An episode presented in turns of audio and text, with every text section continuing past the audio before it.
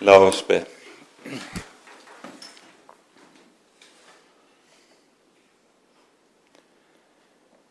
Kjære gode Herre og Hellige Far. Så takker og lover vi deg for all din nåde imot oss. Takk, Herre, at du har gitt oss din elskede Sønn, og med ham syndenes forlatelse og et evig håp. Takk, Herre Jesus, at du døde og du sto opp for vår skyld, og at vi skal få lov til å dele kår med deg. Nå ber vi, Herre, at du vil komme til oss med din gode Hellige Ånd. Før oss inn i Ordet, slik at vi også kan føres sammen med deg. Takk at det er sant slik som vi sang det, at med ditt ord din nåde varer, herfra, Herre, og til evig tid. Amen.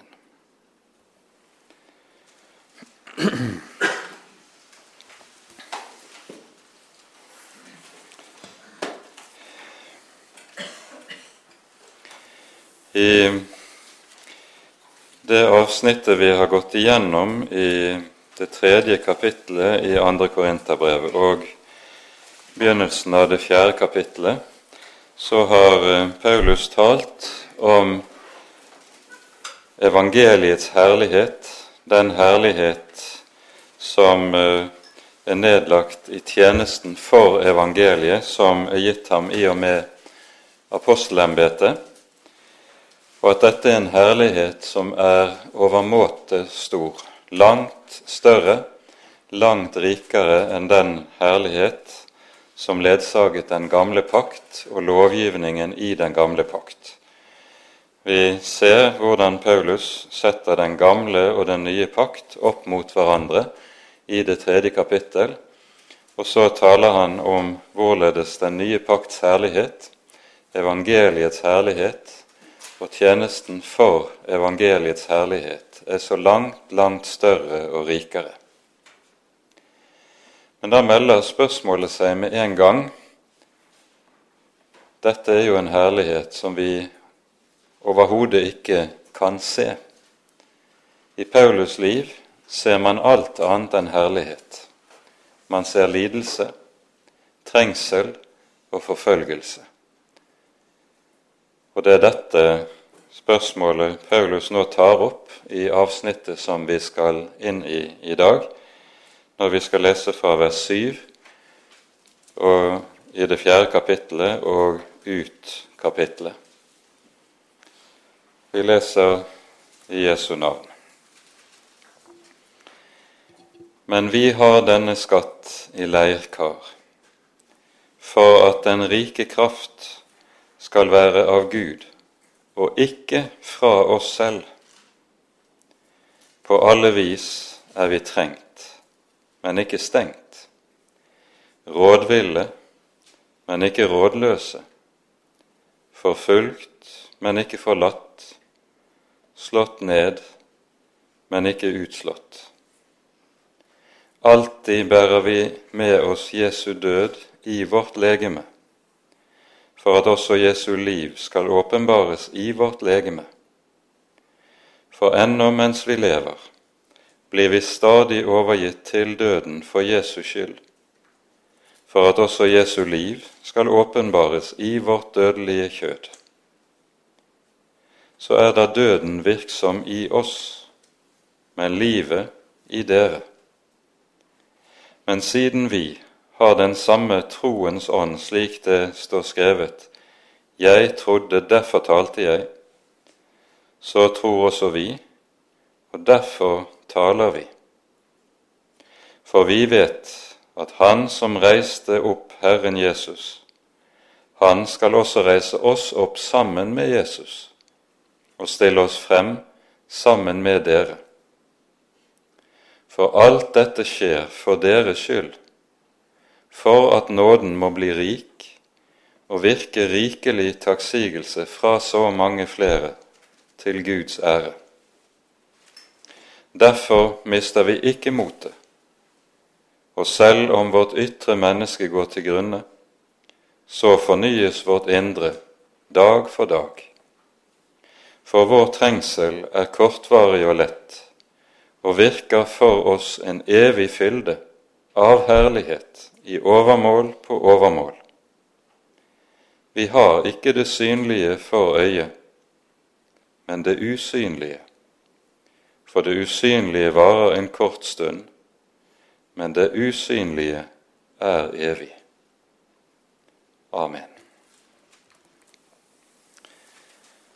Avsnittet vi har lest sammen her, det er et av de mest sentrale avsnittene i det vi kan kalle Paulus' undervisning i korsets teologi. Og dette er nettopp et hovedtema i andre Korinterbrev. Og når vi ser efter, så vil vi se at de sannheter som tegnes opp for oss i dette avsnittet, det er noe som går igjen og dukker opp overalt i Paulus sine skrifter. I eh, sin kommentar til dette avsnittet skriver Hugo Odeberg følgende at for Paulus, i alt han gjør og i alt han skriver, er det to sannheter som konsekvent står der som like som styrende alt annet i Paulus' liv og i Paulus' tenkning. Og det, og det første er Den første sannhet er den vi finner i Galaterbrevet 2,20, der Paulus skriver nå lever vi ikke lenger selv, men Kristus Jesus lever i oss. Og for det annet sannheten i 2. Korinterbrevs 12. kapittel, vers 10, der Paulus skriver kraften fullendes i skrøpelighet. Og det er nettopp disse to sannheter som ganske særlig går igjen gjennom det avsnittet, og som så å si bærer det avsnittet vi har lest. Når Paulus begynner avsnittet med det vi leste i vers 7, vi har denne skatt i leirkar, så peker han på den dobbelthet som med dette så å si er livsvilkårene for ham som apostel og i aposteltjenesten, men samtidig er en sannhet som gjelder ethvert kristent menneske. Skatten vi eier, det er evangeliet. Og Paulus har talt om evangeliet og evangeliets rikdom, evangeliets herlighet, i det foregående. Men denne rikdom på herlighet er ikke noe som kan, vi kan se med våre øyne, ta på med våre hender, på en slik måte at vi, vi herligheten gjør seg gjeldende, så å si i det vellykkede kristenliv, det kristenliv som er uten motgang, nød eller trengsel. Tvert om, skatten er i leirkar. Og leirkaret, det er innbegrepet av det som har svært, svært liten verdi, og som er meget skrøpelig. Og nettopp slik ser Paulus på seg selv. For sitt eget vedkommende er han skrøpelig. Og skrøpeligheten gjør seg stadig gjeldende i hans liv idet han stadig er underkastet motgang, lidelse og trengsel. Alt sammen for evangeliets skyld. I parentes bør vi også bemerke at det den smerte og den trengsel som Paulus opplever for evangeliets skyld. Det er ikke slik at det vi her hører om i dette avsnittet, bare gjelder motgang og nød for evangeliets skyld. Men her er det tale om de kår, de vilkår en kristen lever under i verden allment. Vi lever under korset. Og Derfor vil det, og det ser vi ikke minst når vi kommer til de versene som avsluttet kapittelet, når det taler om trengsel, at det ytre mennesket går til grunne, så er det noe som vi alle før eller senere vil komme til å erfare, enten gjennom sykdom eller alderdom i våre liv. Det behøver ikke bare å være forfølgelse for evangeliets skyld det her er tale om. For en kristen lever under korset. Og det er det Paulus altså taler om. Og det vi skal merke oss med det vi hører nå i det syvende verset, det er dette 'for at' som står i vers 7. Vi har denne skatt i leirkar for at den rike kraft skal være av Gud og ikke av oss selv. Dette var demonstrert meget tydelig for korinterne tidligere også. Når Paulus i 1. Korinterbrevs 2. kapittel eh, forteller om sitt første besøk i Korint, så sier han det at vi var hos dere i frykt og i megen beven. Paulus kom ikke til Korint som den såre, store apostel som så å si undertvang alle med åndsmakten i, sitt, i sin personlighet. Han kunne for det ytre øyet virke svak, kanskje tuslete, for å bruke et litt eh, vanskelig ord. Men det er slik han beskriver seg selv. Vi var hos dere i skrøpelighet, frykt og megen beven. Og så står det for at slik var det for at kraften skulle ligge i ordet, i selve evangeliet, og for at troen ikke skulle være grunnet på menneskers visdom, men på Guds kraft. Og så skriver Paulus altså her for at den rike kraft skal være av Gud og ikke av oss.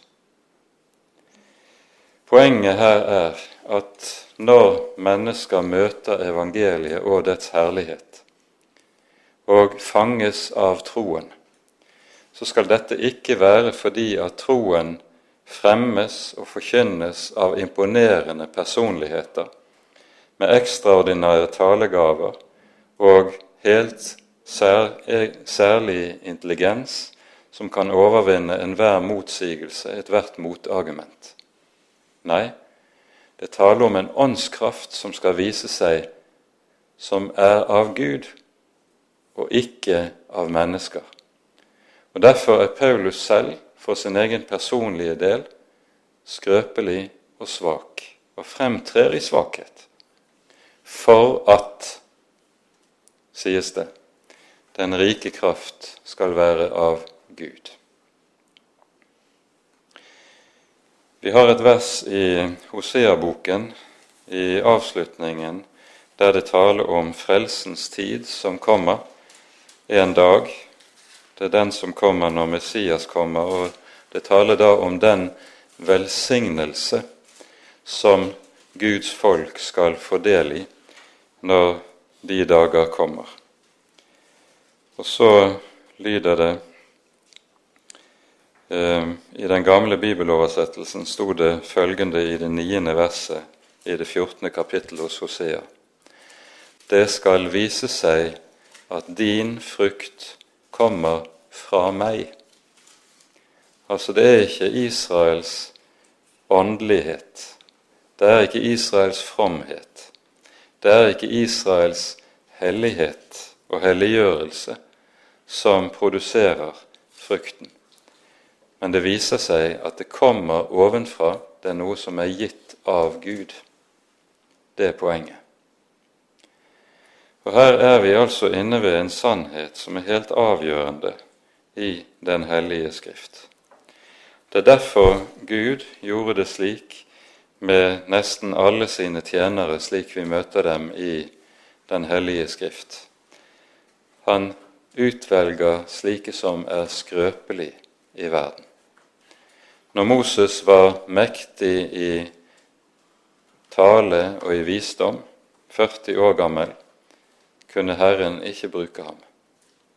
Når han er 80 år gammel, da kommer Herren og kaller ham. Men da er Moses for egen del overbevist om at nå er toget gått. Det er for sent, Gud. Om du hadde kommet når jeg var sterk og ved velmakt, da kunne jeg gått. Men nå, nå er det for sent. Men det er akkurat samme sannhet som altså gjør seg gjeldende her. Herren utvelger det som er skrøpelig i verden, for at det skal vise seg at det som så skjer, det er av Gud, ikke av mennesker. I denne sammenheng gjelder det i Guds rike den sannhet som eh, holdes frem for oss i Jesaja-bokens 45. kapittel. Der står det sånn i eh,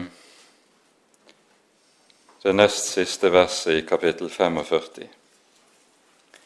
De skal si om meg, bare i Herren er rettferdighet og styrke. Bare i Herren er rettferdighet og styrke. Og Dette kunne vi godt omsette til å være et ord som taler først om barnekåret og dernest om tjenesten. Barnekåret hviler i den sannhet at bare i Herren er det rettferdighet. Og vi får, vi tilregnes, og vi gis som gave den rettferdighet som er Guds egen. Når det gjelder tjenesten, gjelder den sannhet bare i Herren er det styrke. Resultat og frukten av arbeidet kommer ikke av min styrke eller min kraft, og skal heller ikke komme av det. Ikke ved noe menneskes styrke, men ved min ånd, sier Herren herskarenes Gud, i Zakaria-boken i det fjerde kapittel. Og det er denne sannhet som levendegjøres for våre øyne gjennom Paulus' skrøpelighet. Han er leirkaret, men i dette leirkaret har Gud lagt ned en skatt. Og så taler han om hva det innebærer å være et leirkar, og hva Gud sender i hans vei for at han nettopp skal være et leirkar. På alle vis er vi trengt, men ikke stengt. Er vi i trengsel eller og ikke innestengt, har det også vært oversatt. Vi er rådville, men ikke rådløse. Forfulgt, men ikke forlatt. Slått ned, slått til jorden, men ikke slått ut. Og så står det et alltid her. Paulus sier altså ikke at dette er noe som bare gjelder av og til i hans liv og i hans gjerning, men han sier alltid. Dette er de vilkår som han lever og virker under, og som er, gjør seg gjeldende hele veien gjennom hans tjeneste. Og så skal vi være klar over at dette er også det som er det er noe av det som er det normale i tjenesten i Guds rike. Det er å gå i motbakke, det er å seile i motvind. Det er det som er det normale. Det å få medvind i tjenesten, det er, hører til unntakene i Guds rikes virke og i Guds rikes arbeid. Og Dette er noe man allerede i utgangspunktet bør være klar over. Alltid bærer vi med oss Jesu død i vårt legeme, for at også Jesu liv skal åpenbares i vårt legeme.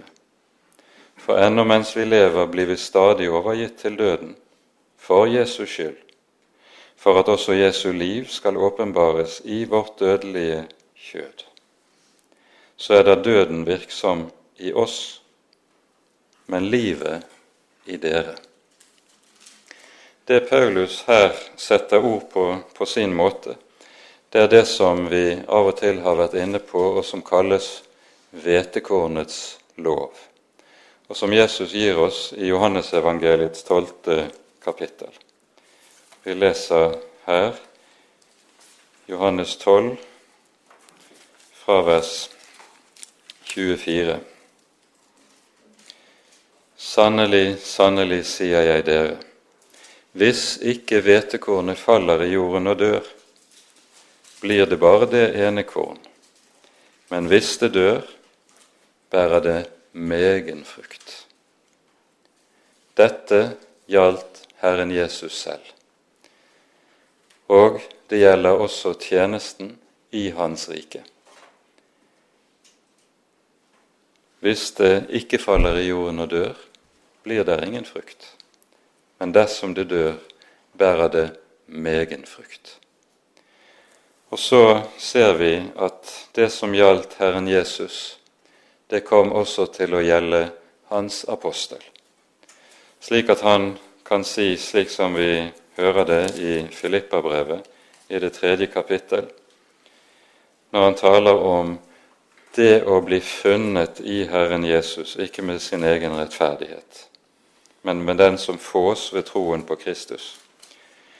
Og dette gjør han, sier, sier han, for at jeg kan få kjenne ham og kraften av hans oppstandelse og samfunnet med hans lidelser, idet jeg blir gjort lik med ham i hans død, om jeg bare kunne nå frem til oppstandelsen fra de døde. Dette skriver Paulus i Filippabrevet, som er fangenskapsbrevet. Og så taler han da ut fra den erfaring som han med dette har, at dette på Guds forunderlige måte gir og virker frukt for evangeliet. Når han skriver slik i Filippabrevet, så er dette for å trøste filipperne. Når de har hørt om at apostlene er kastet i fengsel, så er de blitt motløse.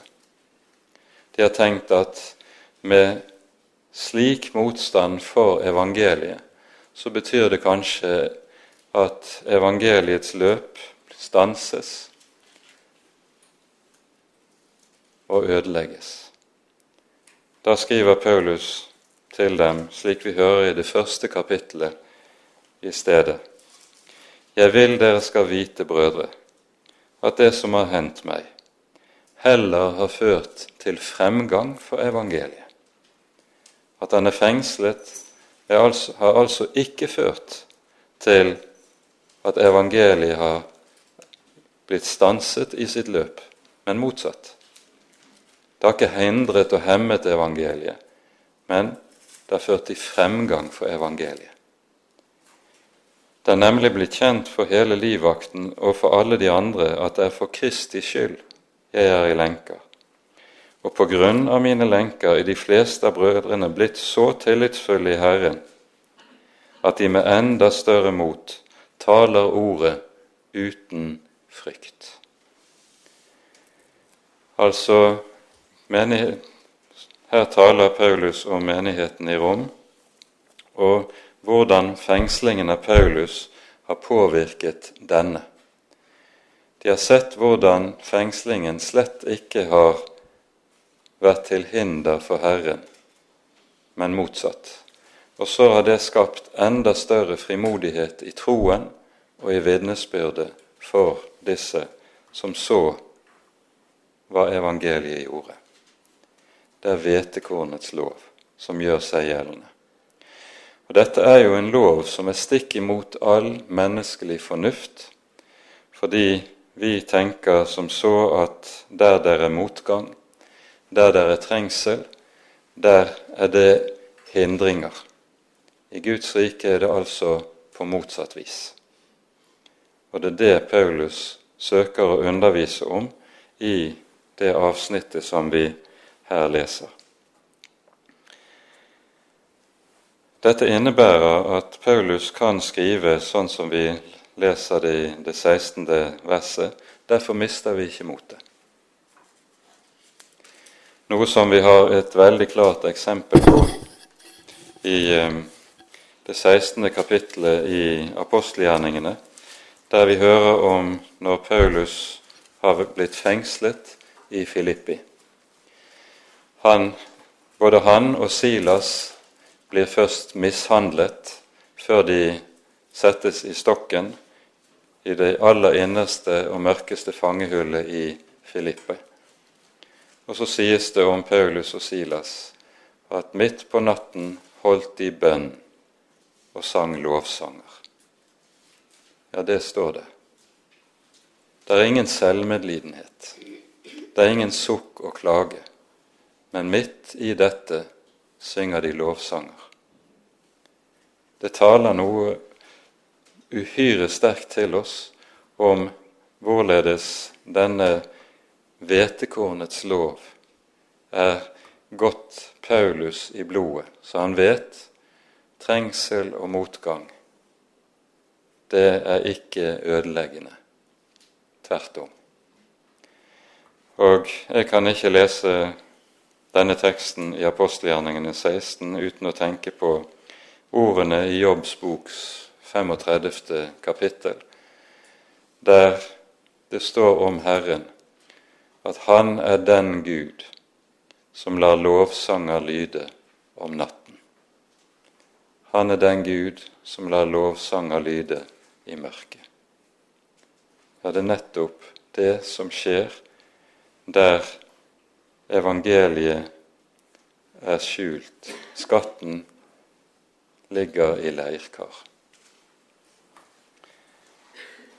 Det som vi her er inne på, det er egentlig en utleggelse av dybden som gis oss allerede i ordene i misjonsbefalingen i Matteusevangeliets 28. kapittel. Meg er gitt all makt i himmel og på jord. Gå derfor ut og gjør alle folkeslag til disipler, osv. Det viktigste ordet i denne teksten, hva er det? det er ordet 'derfor'.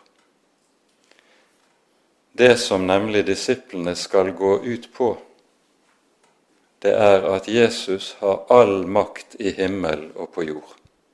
For hvem er disiplene? De har ingen makt. De har ingen organisasjon i ryggen som kan støtte dem. De har ingen venner i mektige stillinger som kan beskytte dem. De er utlevert som får blant ulver. Og hvis det ikke er sant at Jesus er den som har all makt i himmel og på jord, så er den oppgaven Jesus gir dem, en umulig oppgave. Gå ut og gjør alle folkeslag til disipler. Disiplene mangler jo alle forutsetninger og alle kvalifikasjoner for å kunne løse en slik oppgave hvis det gjaldt dem selv. Det eneste vilkåret og forutsetningen for at dette kan skje, det er at det er sant. At Jesus har all makt i himmel og på jord. Og så må de gå i tro til at det er sant, mens de selv er hjelpeløse og avmektige.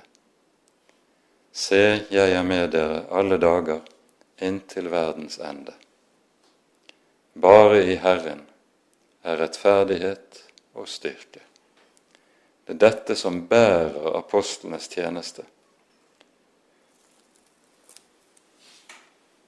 Og Dette ser ut til å være uhyre vanskelig for oss å begripe og forstå når vi leser disse tekstene i Bibelen. For vi er i så stor grad selvhjulpne. Vi er frimodige når vi har ressurser, når vi har økonomi, når vi klarer oss greit, men mister all frimodighet hvis vi mangler dette som menneskene mener man trenger. Det som disiplene, som bar disiplene, det var avhengigheten av sannheten i Jesu løfte og i Jesu ord. Meg er gitt all makt. Det bar dem. Og det de fikk lov til å oppleve gjennom motgang, gjennom hjelpeløshet og gjennom avmakt, gjennom hele sin tjeneste, det var at Jesus holdt ord. Han sviktet dem ikke. De var forfulgt, men de var aldri forlatt. De ble slått til jorden, men de var aldri utslått. For når de var slått til jorden, så kunne de si med profeten Mika.: Gled deg ikke over meg, min fiende, for når jeg er falt, står jeg opp igjen. Når jeg er i mørket, er Herren lys for meg. Det er dette som er den virkeligheten som apostlene lever i, og som evangeliet vil føre oss inn i. Det er hvetekornets lov. Når Paulus på denne måten taler om Jesu død og Jesu liv, så er jo det grunnleggende som ligger bak dette, er talen om det å være forenet med Jesus som skjer i dåpen. Dette som Paulus underviser om i Romerbrevets sjette kapittel. Vi ble begravet med ham ved dåpen til døden, for at vi også skal stå opp med ham i hans oppstandelse. Å forenes med Jesus i hans død og oppstandelse det skjer på grunnleggende måte i Den hellige dåp. Og så sørger Herren for å virkeliggjøre dette i livene våre. Og så gjør han det ved det som er grunnordet gjennom med Herrens stell med sitt folk. I første Samuels boks andre kapittel. Herren døder og gjør levende. Han fører ned i dødsriket og opp derifra. Herren gjør fattig og rik. Han nedbøyer og han opphøyer. Det er Guds gjerning, og disse to gjerningene hører alltid sammen. Han kan ikke gjøre levende uten å døde. Han kan ikke gjøre rik uten å gjøre fattig. Han kan ikke opphøye uten å nedbøye. Dette er Herrens gjerning. Og dette er korsets teologi. Dette er hvetekornets lov.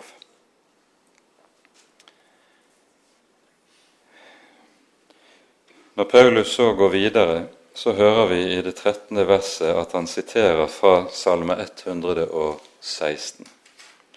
Siden vi har den samme troens ånd, slik det står skrevet, jeg trodde, derfor talte jeg så tror også vi, og derfor taler vi. Og Det som er viktig å være oppmerksom på, er at antagelig er Salme 116 et ord som sammen med de to nevnte versene fra Galatane 2 og andre kor 12, som vi nevnte innledningsvis, så ligger Salme 116 i bunn under alt det som vi leser i dette avsnittet. Og La oss nå lese fra Salme 116.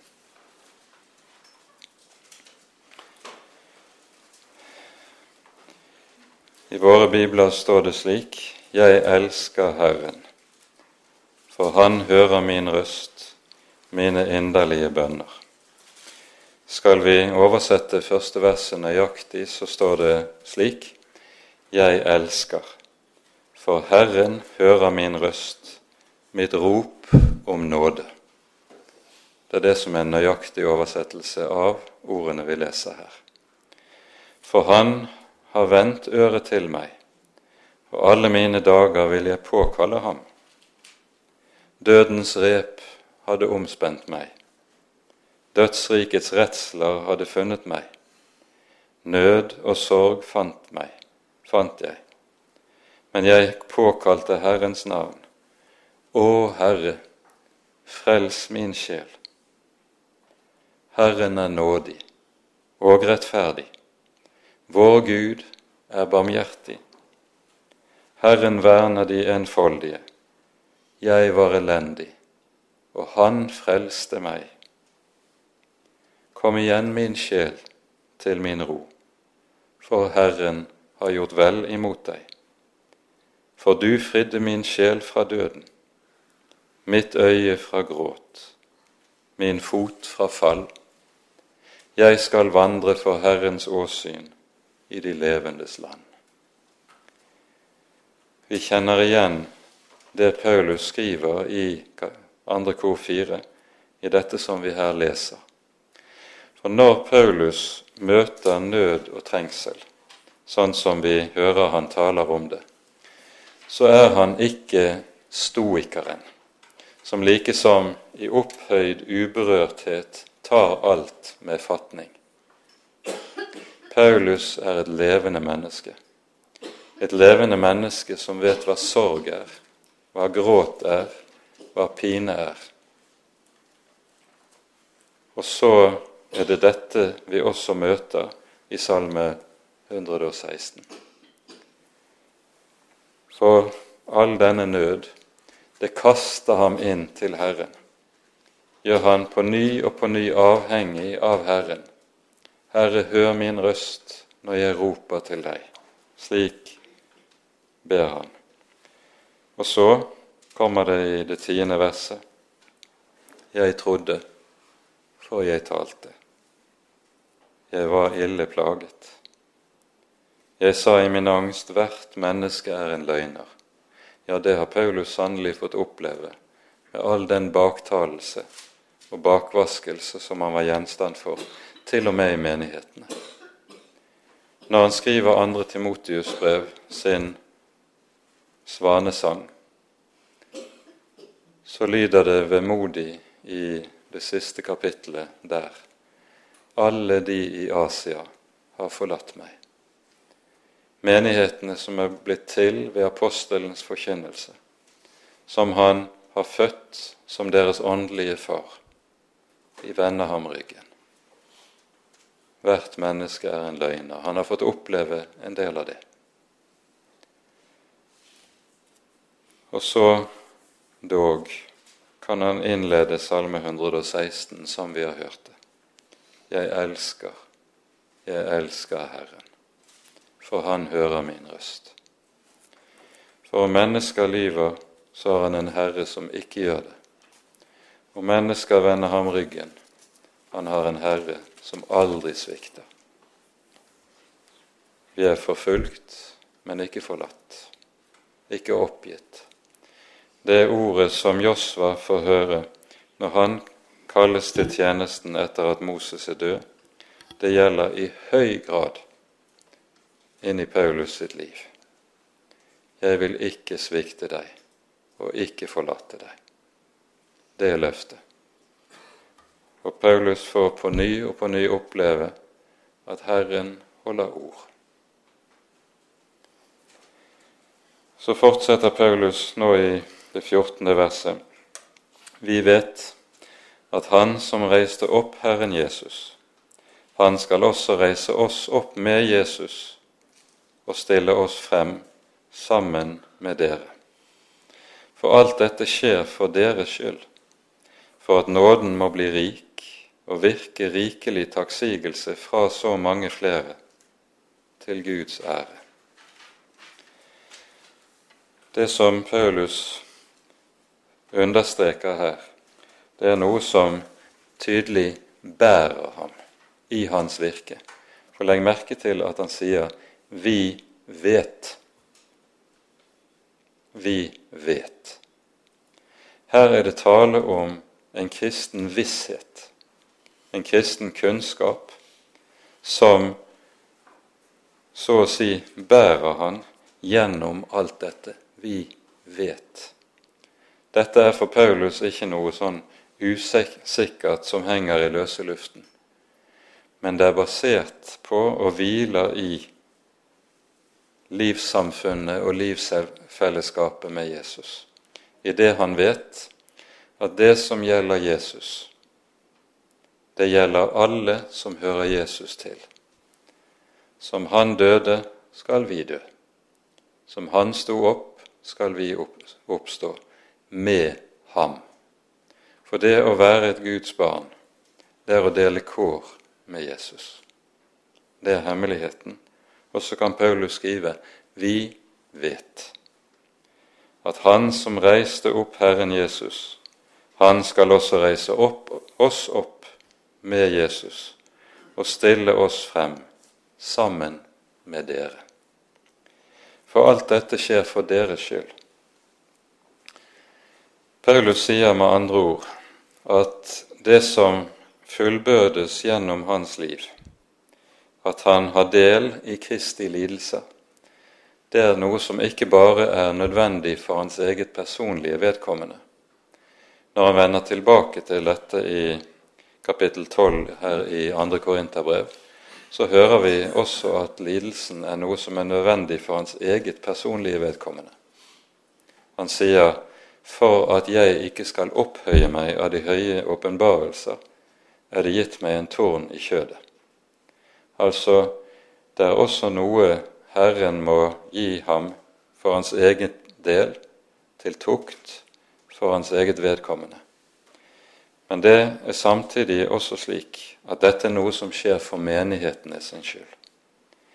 Den smerte som apostelen må bære, den motgang og trengsel som han står oppe i for evangeliets skyld, det er nettopp med til å gjøre at evangeliet også har den virkekraft som det har.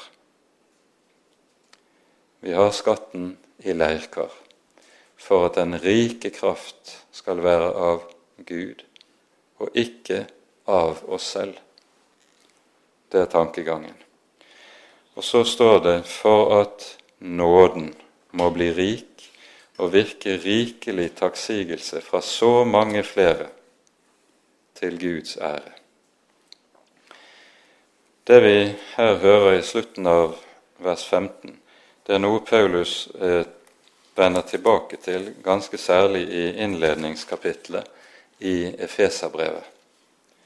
Her hører vi Paulus gjenta tre ganger at det som er evangeliets frukt noe av mål, målet med at Gud lar sin nådes rikdom få plass i menneskers liv og hjerter. Det er, sies det Vi leser først vers 5 og vers 6. Han har forutbestemt oss til å få barnekår hos seg ved Jesus Kristus, etter sin frie viljes råd, til pris for sin nådes herlighet som han ga oss i den elskede.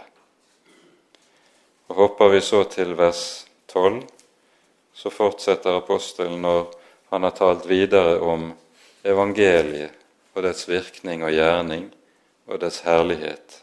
Så sier han for at vi skulle være til pris for Hans herlighet, vi som forut hadde håpet på Kristus. Og så i vers 14, etter å ha talt om Den hellige ånds gjerning og frukten av Åndens virkning i våre hjerter, så står det at Ånden er pantet på vår arv til eiendomsfolkets forløsning, til pris for Guds herlighet. Evangeliet har nettopp denne virkning, at det skaper der det blir tatt imot, der det blir sett der skaper det denne takk, denne takknemlighet. Tenk, tenk at Han som er den hellige og levende Gud, har bøyet seg til meg. Tenk at Han har tatt meg til sin egen, tilgitt meg alle mine synder, sonet og slettet ut all min skam, gjort meg til sitt barn, kronet meg med sin herlighet og gitt meg løfte om evig liv sammen med seg. Tenk hvilken gave. Tenk hvilken herlighet. Det er dette evangeliet skaper, der det blir sett, forstått og tatt imot. Og Det er det Paulus altså taler om i all korthet her i vers 15, men vi ser hvordan det dukker opp disse ting i andre sammenhenger i apostelen sine brever. Og så kommer det sånn som vi hører det. Derfor mister vi ikke motet. Derfor mister vi ikke motet. For selv om vårt ytre menneske går til grunne, så fornyes vårt indre dag for dag. For vår trengsel, som er kortvarig og lett, virker for oss en evig fylde det står bokstavelig en evig tyngde av herlighet i overmål på overmål. Og her er i norsk bibel sammenhengen i teksten brutt gjennom at man har satt et punktum. Der er en sammenheng som nemlig er slik at det at trengselen virker slik, det henger sammen med det som står i vers 18 nemlig fordi vi har det, ikke har det synlige for øyet, men det usynlige. Det er et paradoksalt uttrykk å ha det usynlige for øyet. Det som vi ikke ser, det har vi for øyet. Men på denne måten så peker Paulus på hva det er dette som skaper denne frukt som vi hører om i denne sammenheng. Det dreier seg om det grunnleggende spørsmål hva ser vi? Hva har vi for øye? Det er med tanke på dette Paulus skriver også i Efeserbrevets første kapittel, når han ber for efeserne, for menigheten. Så leser vi fra vers 17 i Efeserne 1. Jeg ber om at vår Herres Jesu Kristi Gud, Herlighetens Far, må gi dere visdoms- og åpenbaringsånd til kunnskap om seg, og gi deres hjerte opplyste øyne, så dere kan forstå hvilket håp Han har kalt dere til, hvor rik på herlighet Hans arv er iblant de hellige, og hvor overveldende stor Hans makt er for oss som tror, etter virksomheten av Hans veldige kraft. Det var denne han viste på Kristus da han reiste ham opp fra de døde og satte ham ved sin høyre hånd i himlene. Ja, det er jo det som er temaet her i det fjerde kapittelet i andre Korinterbrev. Det hans har Kristi død og oppstandelse for øye og hvorledes Gud med sin overveldende kraft nettopp er virksom i dette. Og Det vi skal legge merke til, er at når det taler om hvor overveldende stor Hans makt er for oss som tror, så menes det ikke makt og kraft i ordets vanlige betydning, eh, sånn som vi ofte bruker dette ordet men det er den makt som Gud alene har til nemlig å skape liv av døde. Det er noe mennesker ikke kan. Det er å skape liv. Vi kan bygge mye som ser imponerende og storartet og flott ut, men liv, liv kan vi ikke skape. Liv av døde kan vi ikke gi. Det er Herren alene om. Og det er dette apostelen mener og tenker på når han taler hvor overvettet stor hans makt er for oss som tror. Og Det er jo dette som gjør seg gjeldende i Paulus eget liv. Han har skatten i leirkar. Gjennom, hans, gjennom apostelens lidelse og død gjør Kristi liv seg gjeldende, slik som vi har hørt det. Og så ber apostelen om at også menigheten skal få ha opplatte øyne til å se dette, til å forstå denne hemmelighet, som gjør seg gjeldende gjennom hvetekornets lov. For her er det tale om en visdom som går stikk imot all menneskelig visdom, som er i strid med det vi kaller for menneskelig erfaring, men som hører med som det vesentlige i Guds måte å virke og arbeide på iblant sitt folk. Vi hører det sies i vers 17 vår trengsel, som er kortvarig og lett, virker. Det taler om altså at nøden og trengselen har en virkning. Det greske ordet her det er energeitai, det er det samme ordet som vi har i energi. Og vi møter samme tankegangen hos Paulus i Romerbrevet i det femte kapittel. Vi bare leser det ganske kort i denne sammenheng. Det står i Romerne 5 fra vers 3. I det andre verset står det 'Vi roser oss av håp om Guds herlighet'. Og så fortsetter apostelen. Ja, ikke bare det, men vi roser oss av våre trengsler. Vi roser oss også av trengslene, for vi vet at trengslene virker tålmodighet. Tålmodigheten virker et prøvet sinn. Det prøvede sinn virker håp, og håpet gjør ikke til skamme, fordi Guds kjærlighet er utøst i våre hjerter ved Den hellige ånd, som er oss gitt. Ja, tenk det. Kristi død, Kristi oppstandelse, for din og for min skyld. Guds sønn ga seg selv for deg og for meg. Det er Guds kjærlighet. Og det er denne kjærlighet, åpenbart i hans død og oppstandelse, apostelen taler om. Samme sannhet undervises vi om også i Hebreabrevet i det tolvte kapittel. Vi tar oss også tid til å lese fra dette avsnittet.